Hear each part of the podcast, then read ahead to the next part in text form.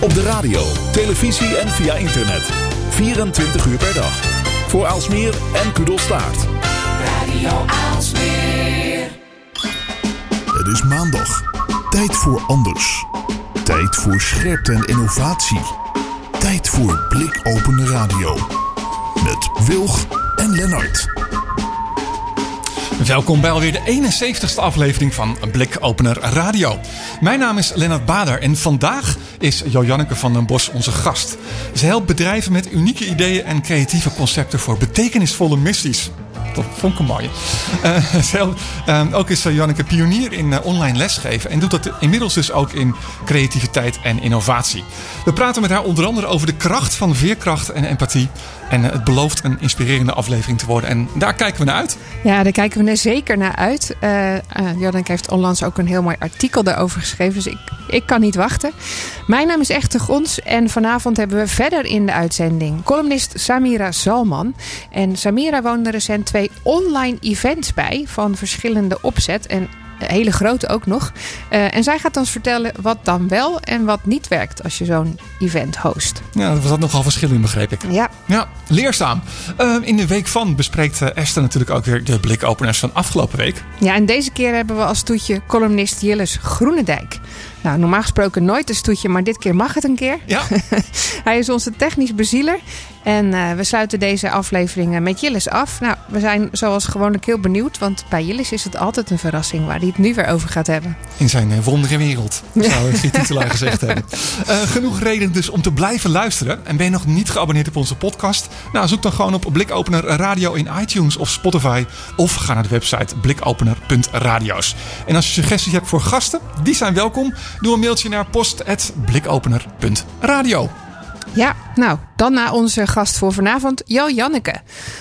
Of Jo Janneke op Twitter eigenlijk. Goedenavond, Janneke. Dankjewel, fijn om er te zijn. Ja, tijd geleden al, want je bent, uh, je bent al eens eerder uh, in uh, uitzendingen geweest. ja, maar ik, geleden. heel lang geleden. Maar ik las on, ondanks weer een artikel van jou op Twitter. En toen dacht ik, jee, Jo Janneke, jij, jij, bent, jij bent weer heel goed bezig. En dit keer ook veel meer met innovatie. ja, ja ik, ben, ik ben eigenlijk, al, eigenlijk altijd wel bezig geweest met innovatie. Um, maar de afgelopen jaren heb ik echt een transitie gemaakt ook in mijn bedrijf. Uh, om dat gewoon veel meer ruimte te geven. Um, want ik merkte, ik, uh, ik ben begonnen in uh, 2006 als ondernemer. Toen gaf ik social media workshops en zo. En vanaf 2009 ging ik e-learning maken.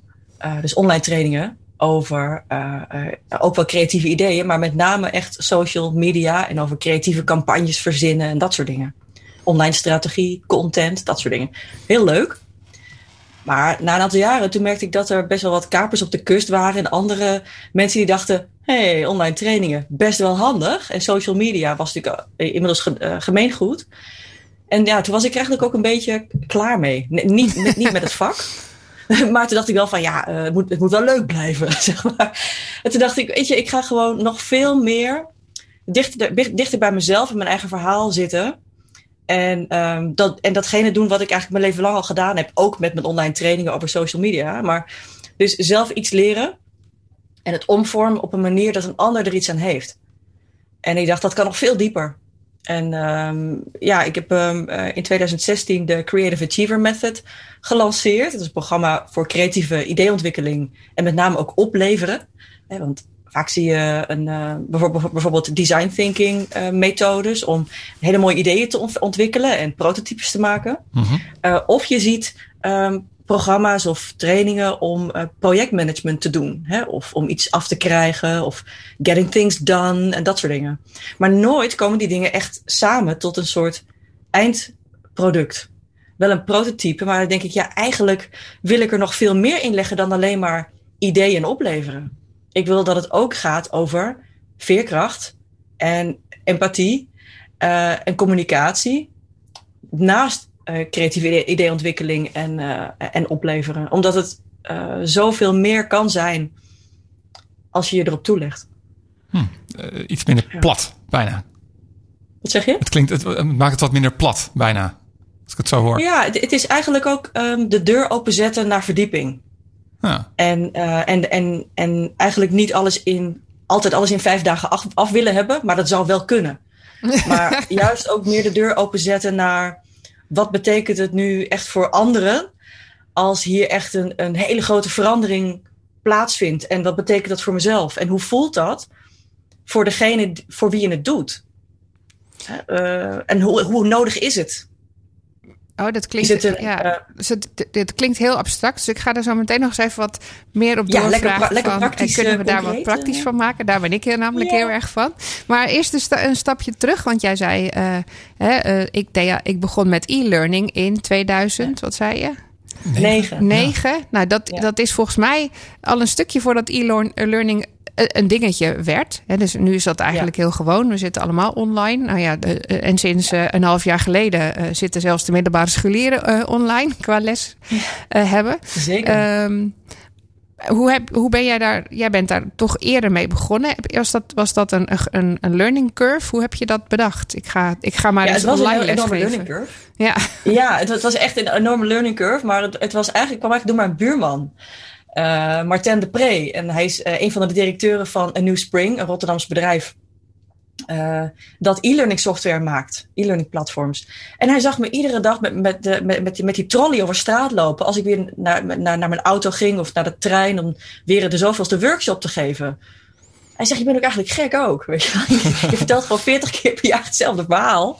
En dan wel op je eigen levendige manier. Maar hoe leuk zou het zijn als je de dingen die, je, die praktisch zijn en die je gewoon ook in een filmpje zou kunnen zien, als je die uh, opneemt en er cursussen van maakt en dat schaalbaar maakt, zodat je in je in real life bijeenkomsten en je workshops en je presentaties en je spreekbeurten, zeg maar, echt de diepte in kan gaan en maatwerk kan leveren per keer.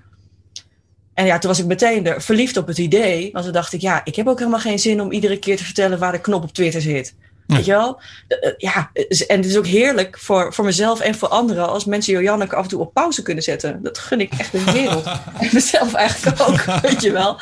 Ja, en dat kan. Dat is helemaal niet zo moeilijk. en toen dacht ik, oh wauw, dit is zo fijn. En toen dacht ik, dan ga ik meteen uh, alle praktische dingen um, over social media, dus over Twitter en LinkedIn en Facebook. En uh, ja, toen, toen, was Instagram nog helemaal geen ding. Uh, maar, maar ook over creatieve campagnes verzinnen, allemaal online zetten. En, uh, maar toen dacht ik, maar ik wil het wel heel persoonlijk houden. Uh, omdat mensen wel ja, met, dan met mij willen werken. En ik wil hen niet zeg maar uh, met een soort van boodschappenkarretje de supermarkt in, in gooien. Van nou, hier, hier, heb je je cursus, de groeten. Dat, dat voelde helemaal niet goed voor mij. Niet dat je zeg dus maar. dacht ik, dan ga ik blended learning maken. Ja, dus dat je niet alleen maar zeg maar online filmpjes aanbiedt op je website. die kun je afnemen nee. en dat is hem dan.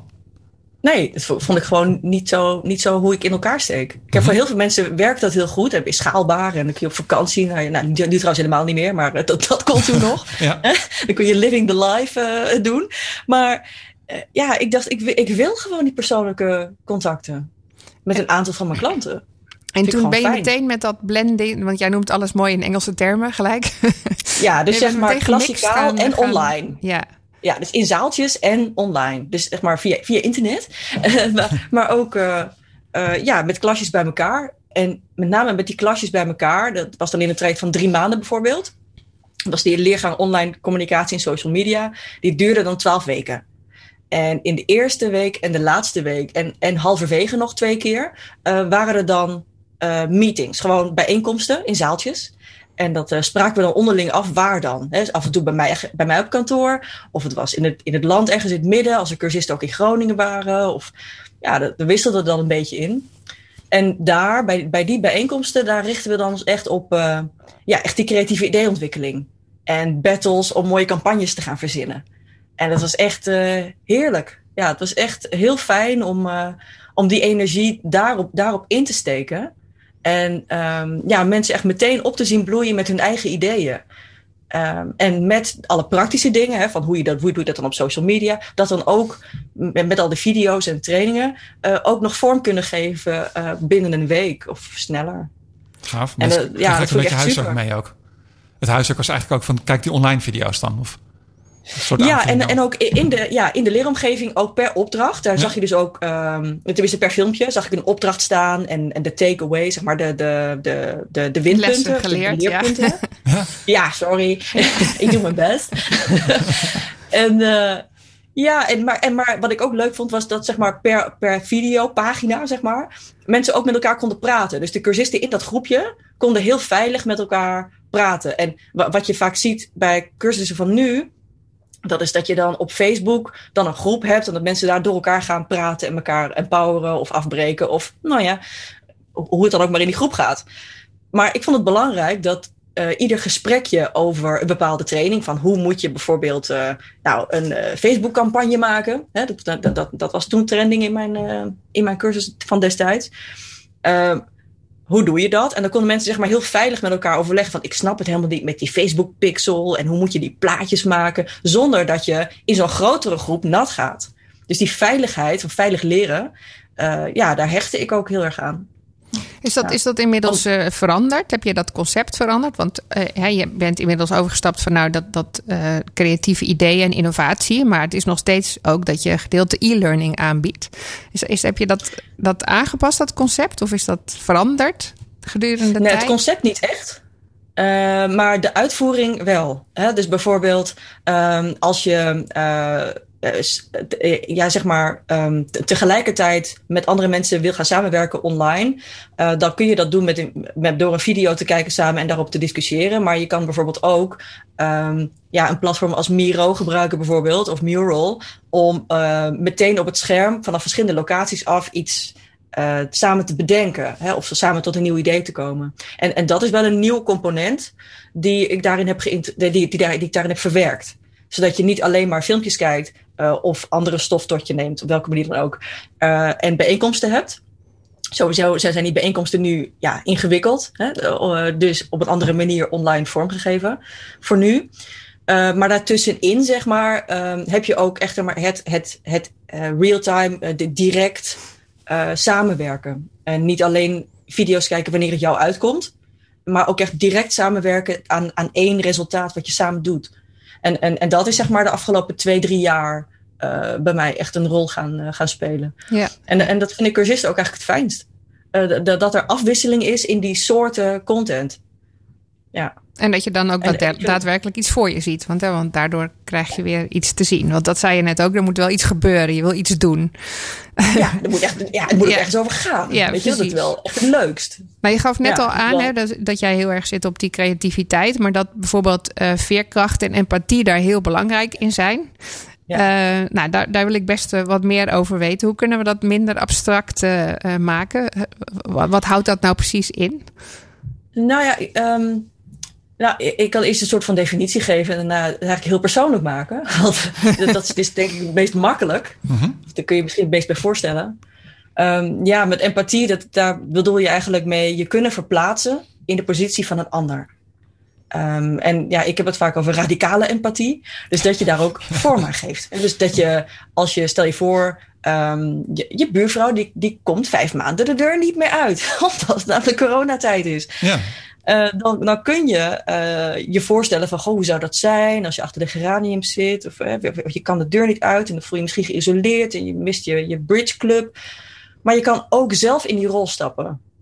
En op zoek gaan naar een mogelijkheid om die buurvrouw uh, een gevoel van geluk te geven. Wat dat overstijgt. En dus die stap is het eigenlijk. En ik heb bijvoorbeeld ooit meegedaan aan een project in 2014. Dat heette Radical Empathy. Ja, sorry Engels, maar dat was ook een, een, een buitenlandse... Dus het kwam ook een internationaal project. Ja. Maar, en het ging over, over verhalen vertellen. En dat raakte me heel diep. Eigenlijk nog steeds wel. Um, het, het, het, experiment was toen, en dat is nu ingevoerd als een vaste methode. Het experiment was dat twee klassen, twee schoolklassen, uit verschillende delen van de wereld uh, verhalen van zichzelf uitwisselden. Dus iedere leerling schreef dan een stukje op een A4'tje uh, vanuit, uh, vanuit jezelf. Hè, van, ik, was, ging, ik was vorig jaar, um, toen kwam ik thuis en toen bleek mijn vader ineens in de gevangenis te zitten. En um, ja, en sindsdien woon ik bij mijn oma. Maar we hebben het wel heel leuk. Weet je wel? Dus zo'n verhaal.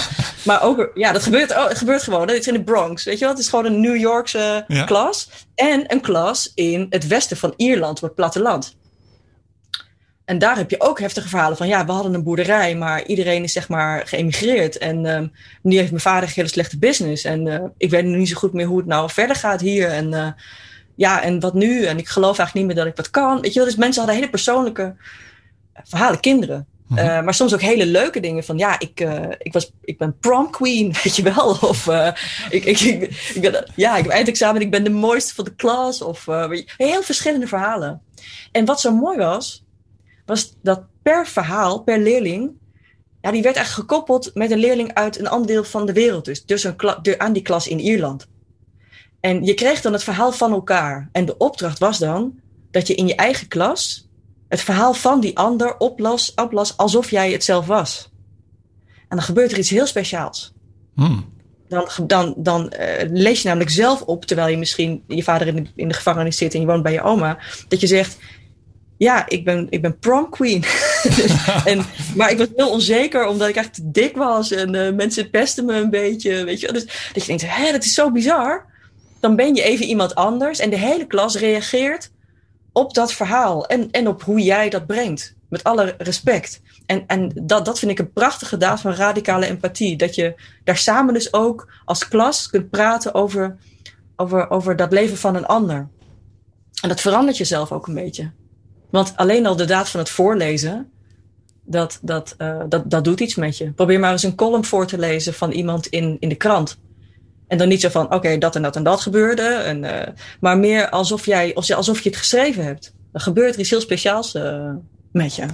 En, en, en hoe belangrijk is, is radicale empathie voor iets als innovatie en creativiteit? Nou, heel praktisch gezien, voor wie doe je het? En, en wat betekent het als je een verandering hebt doorgemaakt of, of een product hebt gemaakt of een oplossing hebt verzonnen voor een probleem van iemand anders? En um, dat betekent ook dat uh, de oplossing waar je mee komt waarschijnlijk anders is dan dat die zou zijn als je niet had nagedacht over hoe het voor een ander is om die oplossing te krijgen. Uh, dus heel, heel praktisch, ik heb een project sinds 2007. Dat heet Weeswijzer. Voor en over weeskinderen in Nederland. Ik ben zelf weeskind. Ik ben op mijn veertiende mijn ouders verloren. En mijn, oud, mijn familie heeft mij niet opgevangen. Uh -huh. Dus ik moest uh, ja, het is heel vervelend. Zo. En een heel lastige leeftijd. En uh, ik kan zeg maar niet, niet iemand aanraden, laat ik zo zeggen. nee, het is niet, nee, het is niet zo van, van nou, dat ga ik doen. Maar uh, je hebt dus geen keuze. Nee. Je hebt gewoon geen keuze. Je kan wel zeggen, ja, dat doe ik gewoon niet. Ik vind dit een scenario, dat, dat, dat, daar leen ik mij niet voor. Ja, dat, dat is leuk, maar je ouders die, die komen niet terug. Nee. Net en je familie die, die gaat nog steeds niet denken: ja, je mag wel gelijk, dan, ga ik je wel helpen. Het Nee. is een beetje net als corona. Ik wou zeggen corona, je, kunt het ontkennen, maar het heeft niet Ik zoveel wil zin. dat het ophoudt. Het dat kan, dat. maar niemand luistert naar, want het is corona. Ja. Precies, ja. Ja, maar ik wil eigenlijk dit. Ik heb er nou genoeg van. Ik ga nu wel naar, naar Tahiti. Ja, vette pech. Ja. Nee. Gewoon nee. Weet je, en, en dat, ik snap heel erg goed dat, dat mensen nu in deze tijd daar best wel moeite mee hebben om dat te kunnen accepteren. Dat je niet de controle hebt en niet denkt van ik maak mijn leven en ik kan mijn carrière maken en ik ga lekker op vakantie. Dat kan niet nu. En ik snap heel goed dat dat nu heel lastig is voor veel mensen. Tegelijkertijd, uh, ik, had, ik had dat gevoel namelijk toen ik 14 was. Weet je wel, ja, ik wil ook gewoon uh, leuk doen op school en ook, uh, weet ik veel. Ja, dat weet je dan eigenlijk. Ja. Maar ja, ik had gewoon de huur te betalen, een winterjas te regelen, inkomen te regelen, naar school te gaan en om te gaan met de verwachtingen van de buitenwereld. En dat is hartstikke hard. Ja. En daar kun je niks aan doen. Je kiest het niet uit, het gebeurt je. Net zoals corona ons nu gebeurt. En omdat ik die ervaring heb, heb gehad, en ik denk dat heel veel, en ik hoor dat ook wel eens online, dat, dat er best wel veel andere mensen zijn die ook ja, iets, iets, iets heel verdrietigs hebben meegemaakt, of iets heel ingrijpends, dat die nu in deze tijd eigenlijk denken: het is eigenlijk best te doen. En dat klinkt heel gek, hè? Ja. Want natuurlijk raakt het mij ook. En natuurlijk uh, dan denk ik af en toe van... Uh, goh, de muren komen een beetje op me af. Of ik zou ook wel eens gezellig weer uh, willen picknicken met een hoop mensen buiten, weet je. Maar dat, dat is nu niet zo. Maar omdat ik die ervaring heb gehad... kan ik het heel uh, snel accepteren. En schiet ik eigenlijk in een soort van andere modus. Dat ik van, van veerkracht. Dat ik, dat ik dan meer denk van... oké, ik heb er verdriet over dat het nu niet kan... Uh, ik, weet, ik weet dat ik er niks aan kan veranderen. Maar ik kan wel um, uh, ja, een beetje dat ongemakkelijke gevoel doorbreken. Want waar, waar heel veel mensen nu last van hebben, wat ik me nogmaals heel goed kan voorstellen, is dat je eigenlijk vecht tegen datgene wat je niet kan veranderen. wordt er gewoon opstandig van. Ik ben nou er al genoeg van en het duurt, al veel te lang. En dat is heel begrijpelijk. Maar als je de stap maakt van ik accepteer dat ik dat niet kan veranderen. En ik zit gewoon even met het gevoel van verdriet. En dat je er ook een beetje om moet rouwen, want niemand weet hoe lang dit duurt. Hè? Het is eigenlijk een soort van. Ja, ik, ik, ik, ben niet, ik ben niet zo heel makkelijk met het vergelijken met de oorlog. Weet je, dat is natuurlijk een beetje flauw. Maar als je, in, in 1943 wist niemand hoe lang het zou gaan duren. Weet je? En in, die, in zo'n modus zit je nu eigenlijk. Van ja, je weet eigenlijk niet hoe, of, die, of, die, of die pandemie nu snel gaat oplossen. Dat weet je niet. Nee, dus, precies. Nee, dat weet je gewoon niet. Nee. Dus als je het niet weet, dan, dan kun je ook denken: oké, ik accepteer dat ik, dat ik daar niks aan kan doen. Maar ik ga niet bij mezelf dat gevoel maar gewoon toelaten. En uh, misschien even janken op je vloerkleed of uh, iets anders doen. Maar in ieder geval iets waardoor die emotie ook ruimte krijgt. Want het bijzondere is, en het is echt, uh, ja, dat was voor mij echt een geschenk ooit toen ik dat leerde. En ik hoop dat het andere mensen ook helpt. dat is als je het accepteert en je laat je gevoelens toe, ook als je een beetje zit te janken of je bent boos of je, je, je, je scheurt een, geen telefoonboek in, uit elkaar. Want dat geeft niemand.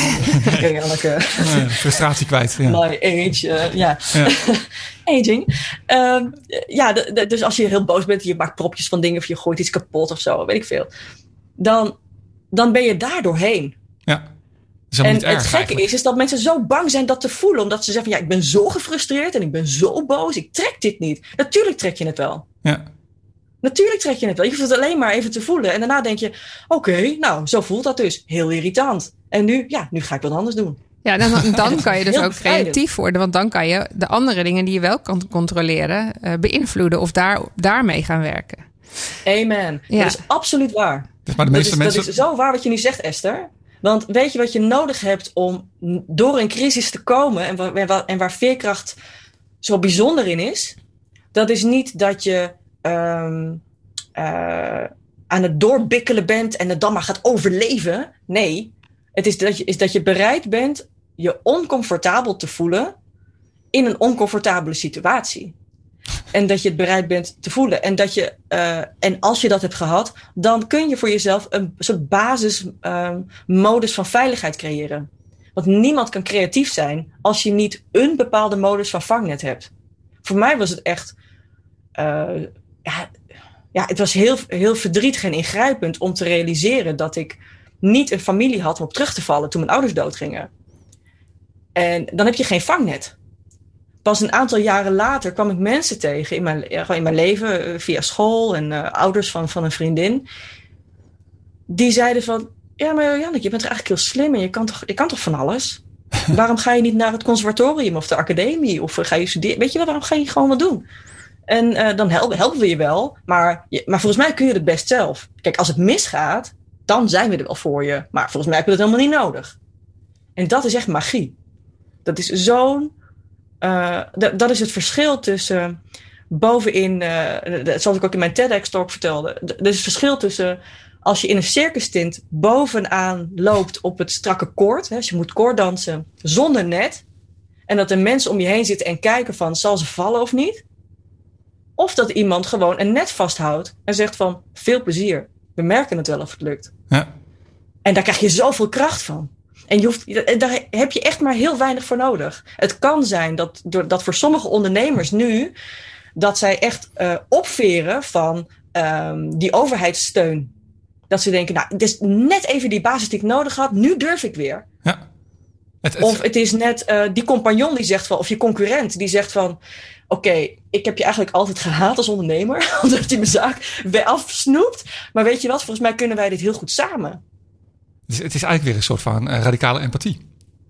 Precies. Die wat en daarom is het zo belangrijk. Ja. Ja. die veerkracht, ja. Maar die radica ja. dat brengt het wel samen. Want ik, uh, ik las, uh, ik geef les in innovatie. Denk ik, kan je, kan je wel lesgeven in innovatie.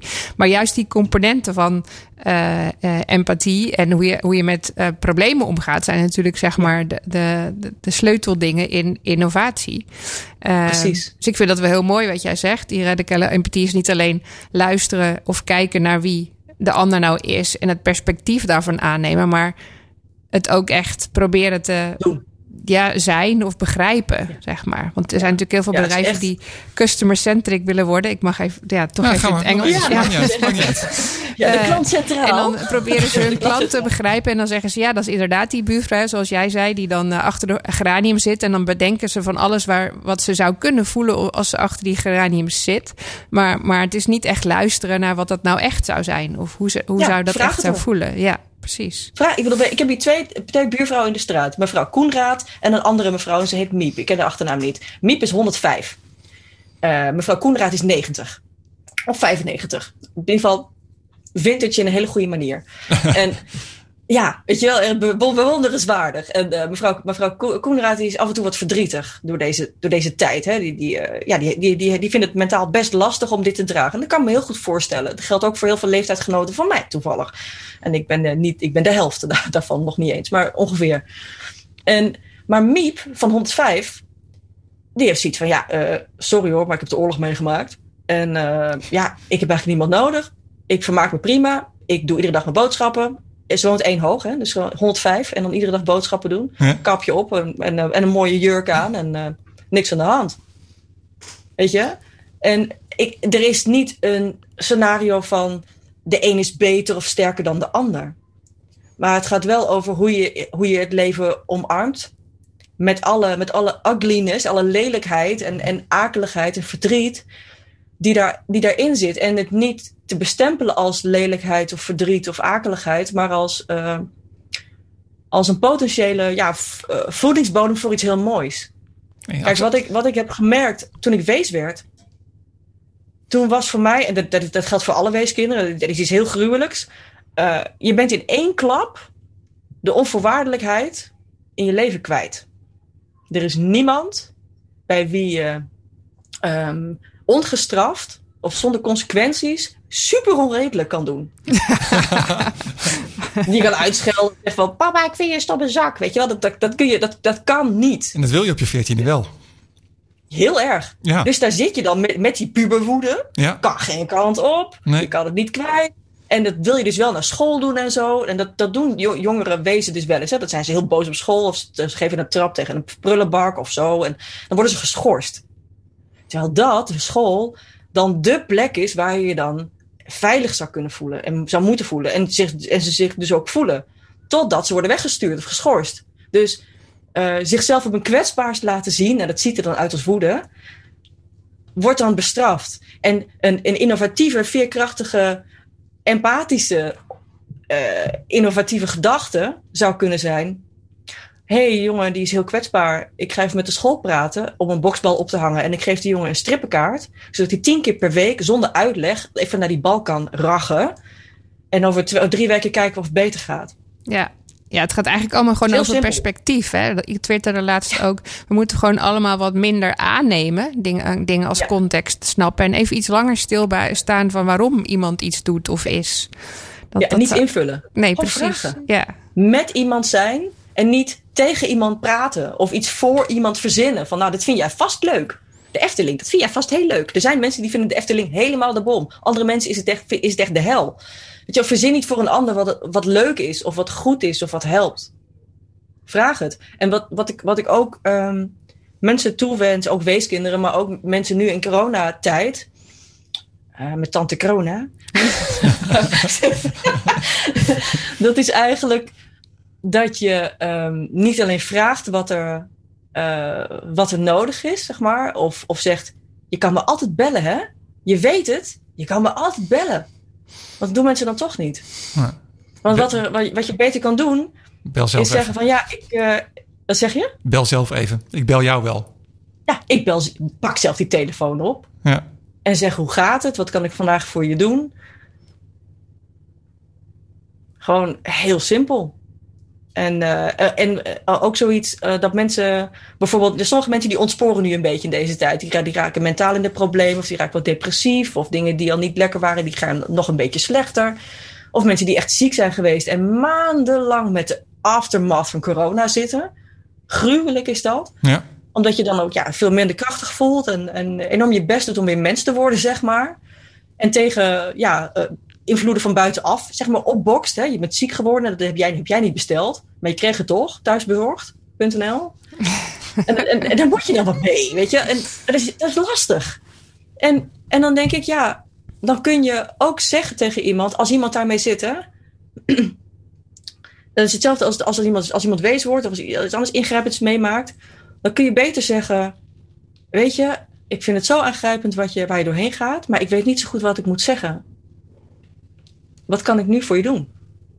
Ja. Dat is beter dan niks zeggen of zeggen: Sterkte, hartje. Ja, ja, precies. Ook lief, maar Ja, ook anders lief. lief. Laten we alsjeblieft Andere impact. met z'n allen wat vaker gewoon waarom vragen. Dat scheelt ook al, denk ik. Ja, Nou, heel mooi, jou? eh, Ja. Janneke. Eh, heel mooie Ja. inzichten ook. Eh, dat artikel dat je erover hebt geschreven kunnen we vinden op je LinkedIn-profiel. Waar ben jij nog meer te vinden als we meer over jou en je aanpak willen weten? Nou, op de Twitter ben ik het snelst bereikbaar. Mijn handle is Jojanneke, gewoon mijn voornaam. Ehm, verder kun je me vinden op jojanneke.me, dus ME, dat is mijn website. En bravechangemakers.com. Eh, want ik geloof in dat je heel, moedig moet zijn om veranderingen door te voeren. En daar gaan al mijn programma's ook over. De Creative Achiever Method, E-Learning Design Academy en de Change Lab. Gaan allemaal daarover. Wees wijzer ook.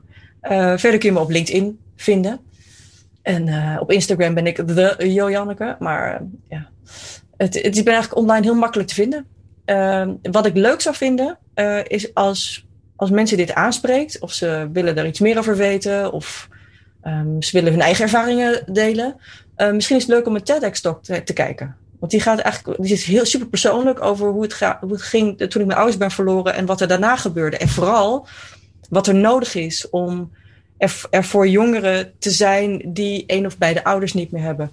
Maar bijvoorbeeld ook zijn diezelfde adviezen heel goed werkbaar voor mensen die nu een beetje klem zitten door de coronatijd. En die kun je vinden op YouTube. Als je eh, in de zoekmachine op in YouTube intypt Jojanneke en TEDx, dan vind je het bovenaan. Nou, ik vind het een hele goede tip. En, en mooi dat het, ehm, eh, wat je al zei, iets verdrietigs, zeg maar, zoveel nieuwe eh, steun of inzichten kan brengen. Ja, Dank je wel daarvoor. echt.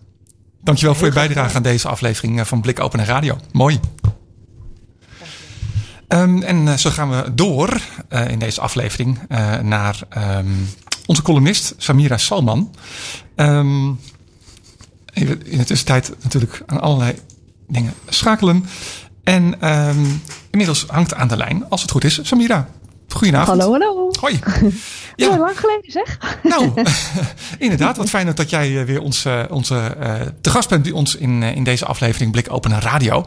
Ehm, je bent van eventgoodies.nl, deskundig Ja, op dat gebied. En je, hebt, je hebt wat meegemaakt de afgelopen tijd.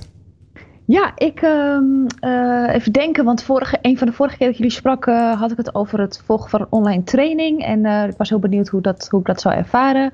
Eh, mijn training is niet per se een event, of tenminste niet events waar ik normaal gesproken over schrijf. Ehm, en ik zag twee kansen voorbij komen. Ik dacht, daar ga ik een kaartje voor kopen. Eh, enerzijds omdat het nu ook gewoon betaalbaarder was dan, dan anders. Of, en eh, een van die events was zelfs anders in Canada geweest. Dat had ik, was ik nooit naartoe gegaan eh, voor een event. Dat is ook interessant, hè? Interessant uh, zij-effect. Dat je nu dingen zeg maar, die normaal heel erg onbereikbaar waren, die online worden, waardoor het wel weer toegankelijk wordt. Ja, precies. Ik ben het ook, ja, wat dat betreft ook wel echt blij ermee. Want ik denk, nou, kan ik het even, even sfeerproeven. En misschien dat ik dan zo enthousiast zou zeggen, hoe ik volgend jaar misschien wel ga. Je weet het nooit. Maar in ieder geval, dat was een leuk uitprobeersel. Ehm, dus ik heb twee evenementen bijgewoond. Ook gewoon om er een beetje feeling bij te krijgen. Want ik hoor aan iedereen eh, die ik ken eh, uit de brandstroop en op LinkedIn. Maar ik kwam eigenlijk zelf niet verder mee dan een soort van... Ik noem het steeds maar een soort van, hoe zeg je dat? Een tv... Een tv-evenement of een studio-evenement. Ja, waar je dan waar je precies waar je naar zit te kijken en verder niks kan. Nee, en ik heb het nooit bijgewoond, maar ik zag foto's of soort korte sfeervideo's. En dacht ik, ja, is dit het dan? Is dit een soort van eh, finale show van een live programma? Zo'n Expeditie Robinson gevoel kreeg ik erbij. En dat dan in plaats van op Twitter iedereen met elkaar contacten dan via de chat. Ik, ik weet niet, ik had er gewoon geen gevoel bij. Maar ik dacht, voor ik oordeel moet ik eigenlijk gewoon events gaan bijwonen. Ja. Ehm, en ik, eh, ik zit even te denken, van, ja, wat, wat kan ik daarover meegeven? Ik vond het vooral heel interessant dat, er, dat ze ja, toch wel eigenlijk heel erg verschillend waren. Ehm, eh, ik, ik, ik probeer niet heel eh, namen te doen, want het gaat maar niet zozeer om. eh, bij de een ben ik wat heel positief, bij de ander wat minder. Maar vooral van ja, hoe kun je het nou aanpakken? Wat kun je daarvan leren? bij het ene evenement, eerste, ehm, eh, was het eigenlijk. het ging over communities. En ze waren al een paar jaar bezig en je merkte dat, de, dat ze al een, community hadden. En dat merk je heel erg al voorafgaan aan het evenement. Het werd een beetje gehyped allemaal. Ehm, en ik hoorde ook dat de, het, het team wat erachter zat, dat het een beetje dezelfde, eh, dezelfde groep is of bedrijf. Of ik weet niet of het nou precies de tech, uh, ze hebben niet alle details gegeven. Maar hetzelfde uh, um, bedrijf is achter Tony Robbins en zijn events. Dus dan heb je er misschien wel een beetje beeld bij. Um, ik heb ooit die docu gezien uh, op Netflix. Um, maar je werd dus echt al vooraf helemaal gehyped uh, om bij het event te zijn. Ik had er ook echt heel veel zin in. Ja. Uh, en ik voelde me ook tijdens die, die drie dagen echt onderdeel van een groep. En uh, mensen legden ook heel makkelijk contact. En er was maar één spreker, één spreker tegelijk. Dus ik hoefde niet te kiezen van oh, waar wil ik nu heen. Ik kon gewoon lekker chillen, lekker luisteren. En, en hoe kon je dan contact leggen? Terwijl die spreker dan zeg maar op, op de tv is en nou ja, op je computer ja, het spreekt. Maar hoe kan je dan als, als gasten contact leggen? Want jij zegt, ik kon heel makkelijk contact leggen. Ja, vooral met, met elkaar. Uh, uh, we, werden, we waren, er waren 3000, zeg ik het goed? Er waren 3000 mensen aanwezig en we werden verdeeld in ongeveer 12 subgroepen. Uh, dus we zaten allemaal in een vaste groep van ongeveer 200, 250 man. Dat ging trouwens de eerste dag niet helemaal goed, maar de andere keren kwam je elke keer in diezelfde groep terecht. En omdat je soms ook breakout sessies hebt, leer je elke keer weer vijf nieuwe mensen kennen. En zo leerde je een deel van die groep aardig kennen in die drie lange dagen, zeg maar. Uh, dus, dus dat was een manier, maar ook met de spreker. Hij heeft ook een keer mijn naam genoemd, vond ik heel grappig. Want we hadden dan, um, je kon uh, op de event website kon je op icoontjes klikken, maar dat is dan gewoon anoniem. Dus een hartje of zo van een lachende smiley. Maar we hadden ook thuis per post um, smileys op een stokje gekregen. uh, van, zijn, van de hoofd van de spreker, was heel leuk. Ja. En die kon je dan voor je webcam houden. En hij ging op een gegeven moment veel te snel, moesten we een of ander in het begin met, na, iets nazeggen. En ik, het ging allemaal veel te rap. En ik deed zo'n soort van zielige smiley van, ik had niet volgen. Oh Samira, you okay? van de 3000 mensen vond ik dat best wel. Want hij zag al die kleine gezichtjes op al tien schermen of zo. Grappig. Uh, dus dat vond ik best wel leuk. En uh, er was ook inderdaad wel echt uh, interactie. Kon tussendoor vragen stellen. Dus dat vond ik wel. Uh, maar ja, je zat dus eigenlijk, het was allemaal in Zoom. Gewoon één grote lange track. Wat, ik, wat me opviel vergeleken met een, het andere event wat ik onlangs heb bijgewoond. Is dat het, hier had het echt een begin en een eind. Dus ik wilde ook echt niks missen. Want ik dacht, ja, maar je kan niet zomaar stukjes eruit knippen. Want dan, ben je gewoon de, de verhaallijn kwijt, zeg maar. Um, dus ik wilde eigenlijk wel de hele tijd erbij zijn. Um, uh, ja, en, dat andere event, duurde dat ook drie dagen of was dat langer? Nee, het was twee dagen. Ik kon er zelf maar één dag bij zijn. Uh, maar dat was wel een beetje het. Um, ja, de andere kon je meer een programma noemen. En dit was meer een, ja, gewoon een, een, een typische conferentie met allemaal verschillende sessies. Ik, kan maar, ik heb er eigenlijk ook vooral bijgewoond om te kijken hoe ze deden. Want ik had gehoord over een hele toffe software tool uh, die ze gebruikten. Waar ik wel heel. Ik ben altijd heel snel enthousiast over allemaal tooltjes. Ik denk, ah, oh, cool. want wat ik dus miste bij het eerste event is dat alles was via Zoom. En je kan dan wel met groepjes chatten, maar daar blijft het dan. En je kan een breakout doen, maar dat is het dan ook.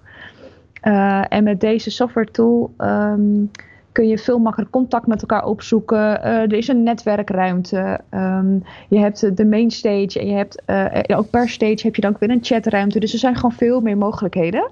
En daar was ik gewoon vooral heel, erg benieuwd naar. Um, en daar kun je heel toffe dingen mee doen. Wat ik dan wel weer gelijk heel leerzaam vind, is dat je het ook wel. Het tool moet natuurlijk goed. Je moet er goed gebruik van maken. Dus het werkt niet vanzelf heel goed. Dus ik merkte ook al snel dat heel, mensen heel erg aan het spammen waren op de chat bijvoorbeeld. ja, ja, ja, ja herkenbaar. En het was, op het andere event was dat helemaal niet aan de orde. Er was gewoon allemaal mensen die allemaal hetzelfde wilden leren. En waren allemaal, uh, hoe zeg je dat, soortgenoten, wilden, waren allemaal ondernemers. En dat, dat, dat gebeurde daar gewoon niet. Maar heeft dat ook met de grootte van het event te maken? Ik kan me voorstellen dat daar waar er bijvoorbeeld gespamd wordt, dat er dan ook veel meer verwacht wordt dat daar heel veel mensen naar komen kijken. Dat dat dus echt wel, zeg maar, traffic genereert. Nou, ik zat daar dus net over na te denken voor, uh, voor dit gesprek. En ik denk dat het grote verschil is dat, ik, uh, dat het, het eerste event wat ik dacht van echt een kennis-event is. Dus een soort van training. Ja. En ik denk dat het andere event is zowel kennis, maar ook heel erg netwerken. Mensen, volgens mij worden mensen echt van, ja, je moet aan het event, dus zorg maar gewoon dat je, dat je de leads uithaalt. Ik ging dus ook voor de grap netwerken en dan word je, en dan druk je op een knop en dan word je random met iemand gekoppeld en dan ga je drie minuten kletsen. En dat vond ik uiteindelijk het leukste gewoon. Ik was benieuwd hoe dat ging. Eh, maar de meeste mensen die wilden gelijk op LinkedIn en die dachten dat ik developer was. En ik zeg nee, en ik zei al gelijk heel eerlijk van joh, je hebt niet zoveel, maar ik ben gewoon eventjes deze, tool, deze functionaliteit aan het uh, uitproberen. Ja, en dan laten we LinkedIn en dit en dat en misschien in de toekomst en bla bla bla. Ja, ja, ja. oh echt, oh jeetje. Ja, dat is wel helpig bijna. Ja, weet je wel. Dus ik vond dat helemaal niet, uh, niet, zo boeiend. Nee. Maar goed, ik was ook niet de doelgroep, dus misschien ben ik iets te, te kritisch. Um, en wat ik ook merkte is dat ik kwam er even moeilijk in, ook door uh, omstandigheden. Maar ik wist dat er opnames werden gemaakt. Dus ik dacht, oh ja, nou ja, goed, dan, dan kijk ik wel een andere keer. Is natuurlijk ook niet zo heel handig.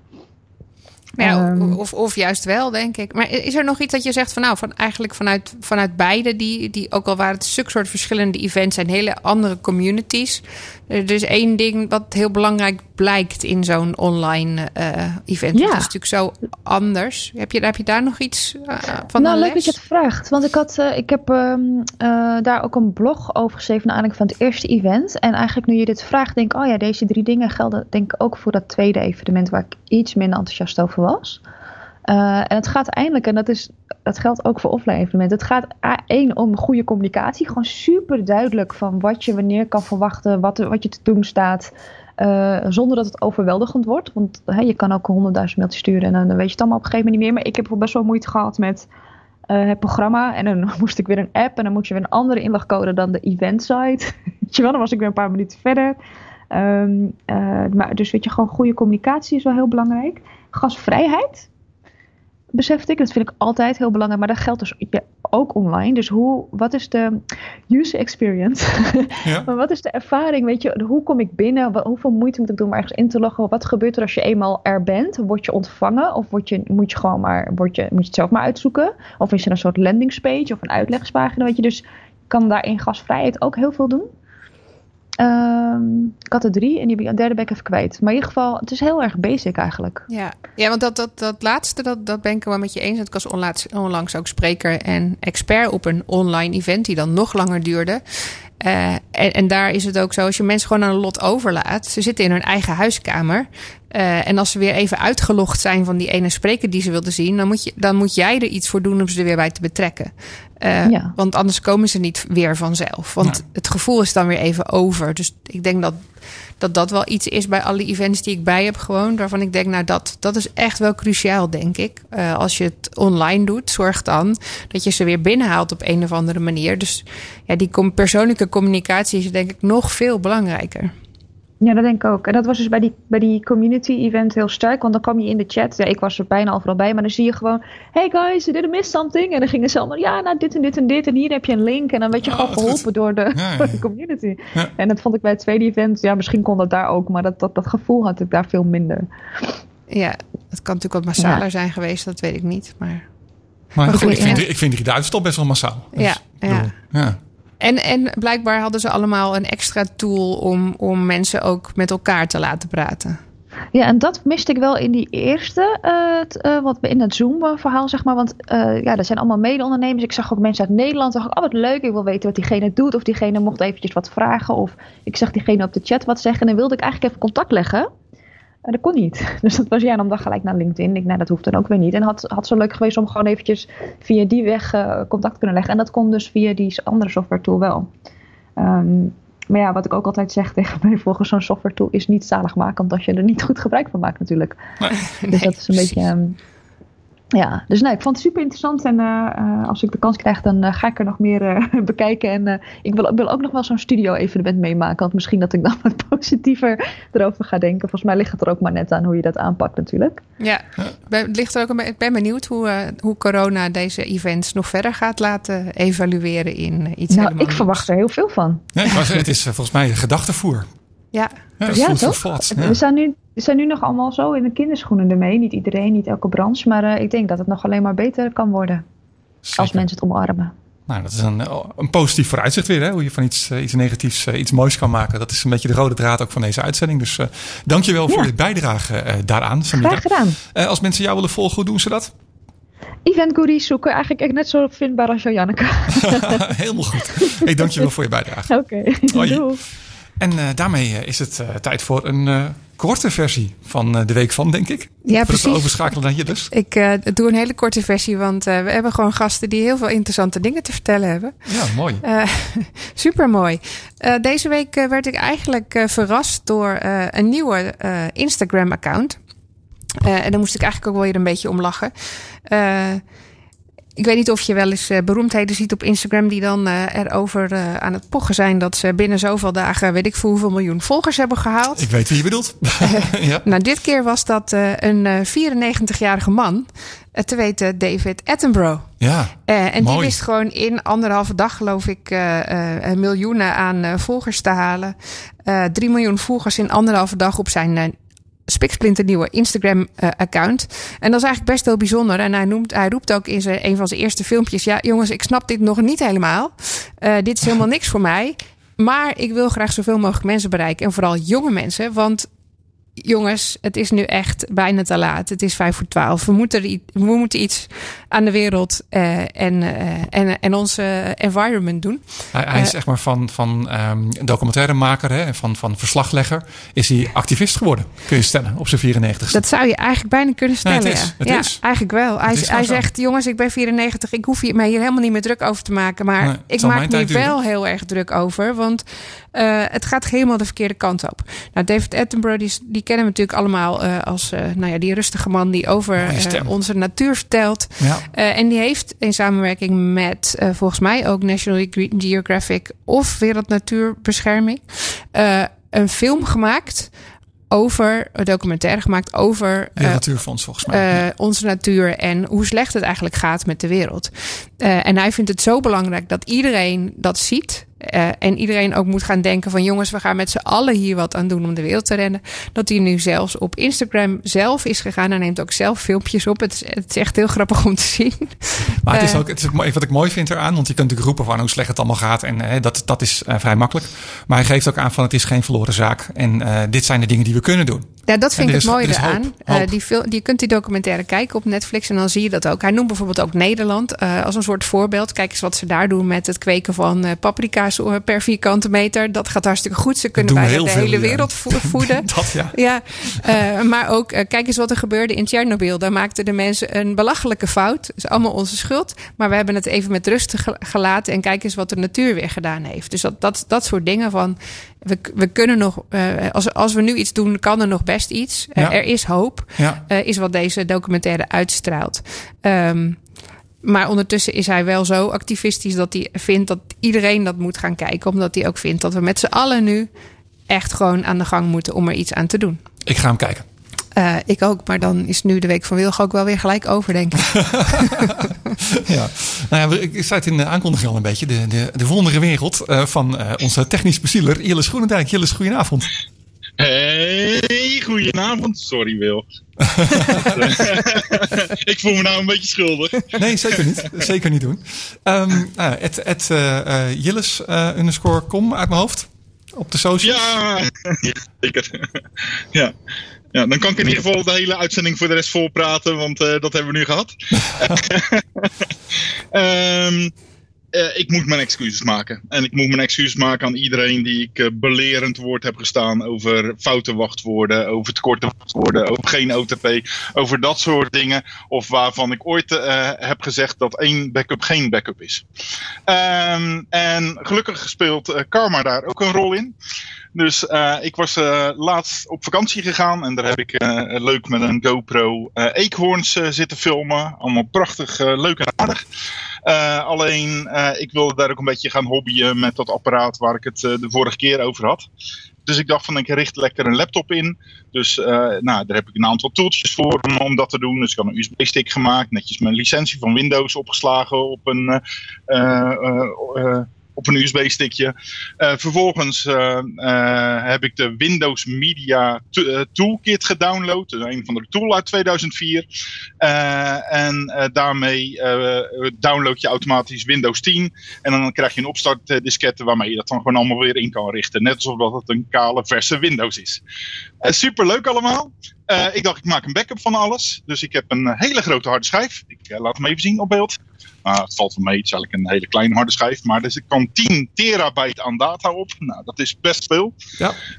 En ik had die al gebruikt om wat verschillende computers heen en weer te schuiven naar elkaar. En ik dacht, nou, ik heb daar nog wat ruimte op vrij. Dus laat ik daar die laptop ook op backuppen. Dus die was ik netjes aan het backuppen. En dat ging eigenlijk allemaal prima. Dus ik formateer eerst die USB-stick met SD-formatter, een van de tooltje. En eh, daarna run ik die eh, Windows Media Toolkit. Ik voel me een klein beetje eh, aankomen. En die zegt tegen mij: Wil je de schijf untitled voor, doen? Nou ja, ik had een nieuwe USB-schijf en die was untitled. Tenminste, dat zijn mijn SD-formatter. Dus ik deed dat. En die runt. En Ja, op de die, je hebt twee schijven van eh, 32 gigabyte. oeps. In plaats van 10 terabyte. Ik dacht, ik dacht, Windows is wel heel erg in de war. Dat kan natuurlijk niet. Dus ik eh, maakte de schijf eh, eh, met de 10 terabyte los. Waar alle foto's op staan die ik had gemaakt van alle kinderen, van de kinderen van over de jaren. Waar alle iPhone backups op stonden. Waar een complete VMware install op stond. Echt allemaal dingen die best onhandig zouden zijn als ik die allemaal kwijt zou zijn. En ik stop die schijf weer terug. En hij zegt eh, 32 gigabyte. Ai. Pot. Verdikkie. Nou, zo zei ik het niet. Ik zei Nee, iets dat was krachtiger waarschijnlijk, ja. Ik zei het iets krachtiger. Maar het blijkt dus dat als je die tool gebruikt, dan vindt Windows het prima om daar 10 terabyte harde schijf voor te formateren. Die kijkt niet van eh, het is een eh, USB-stickje of het is een kleine disk. Nee, eh, maakt niet uit. Als jij dat kiest, is dat prima. En omdat hij zeg maar vond dat de andere schijf al in gebruik was, liet hij ook maar één ding zien, net als de Ai. Ai. En eh, dus ik heb eh, de eerste 32 gigabyte van mijn 10 terabyte schijf overschreven. En eh, toen ik dat deelde op Twitter, eh, was zeg maar de derde reactie eh, die ik kreeg. eh hey Jillis, één backup is geen backup hè? Eh, ja, ja dat, eh, dat weet ik. Waar ik bloemen naartoe sturen voor deze geweldige comment. Maar dan voel ik zelf ook eens een keer eh, hoe dat het eh, gaat. Dus wat ik heb gedaan is nog twee eh, schijven gekocht, ook van 10 terabyte. Zodat ik eerst een forensische kopie kan maken van de een naar de ander. Zodat ik niet op de eerste schijf aan de gang ga. En de derde schijf om uiteindelijk de data op op te slaan. Dus eh, ja, dat moet ik nog doen. Dat gaat waarschijnlijk maanden in beslag nemen om dat, eh, dat te doen. Ik heb in ieder geval de data al wel eh, terug gehad. Maar je moet je voorstellen dat dat één grote bak wordt met 2 of 3 miljoen foto's. Die allemaal foto 001.jpg heten. Foto 002.jpg. Dus het, ik heb nog een klusje. Ehm, Lekker leermomentje, Moraal van het Jillis. eh, verhaal. eh, moraal van het verhaal. Ik hoor wel eens één backup is geen backup. Maar de moraal van het verhaal is. eh, eh, de mensen die dat overkomt, die weten dat. Die- dat hoef je ze echt niet meer uit te leggen.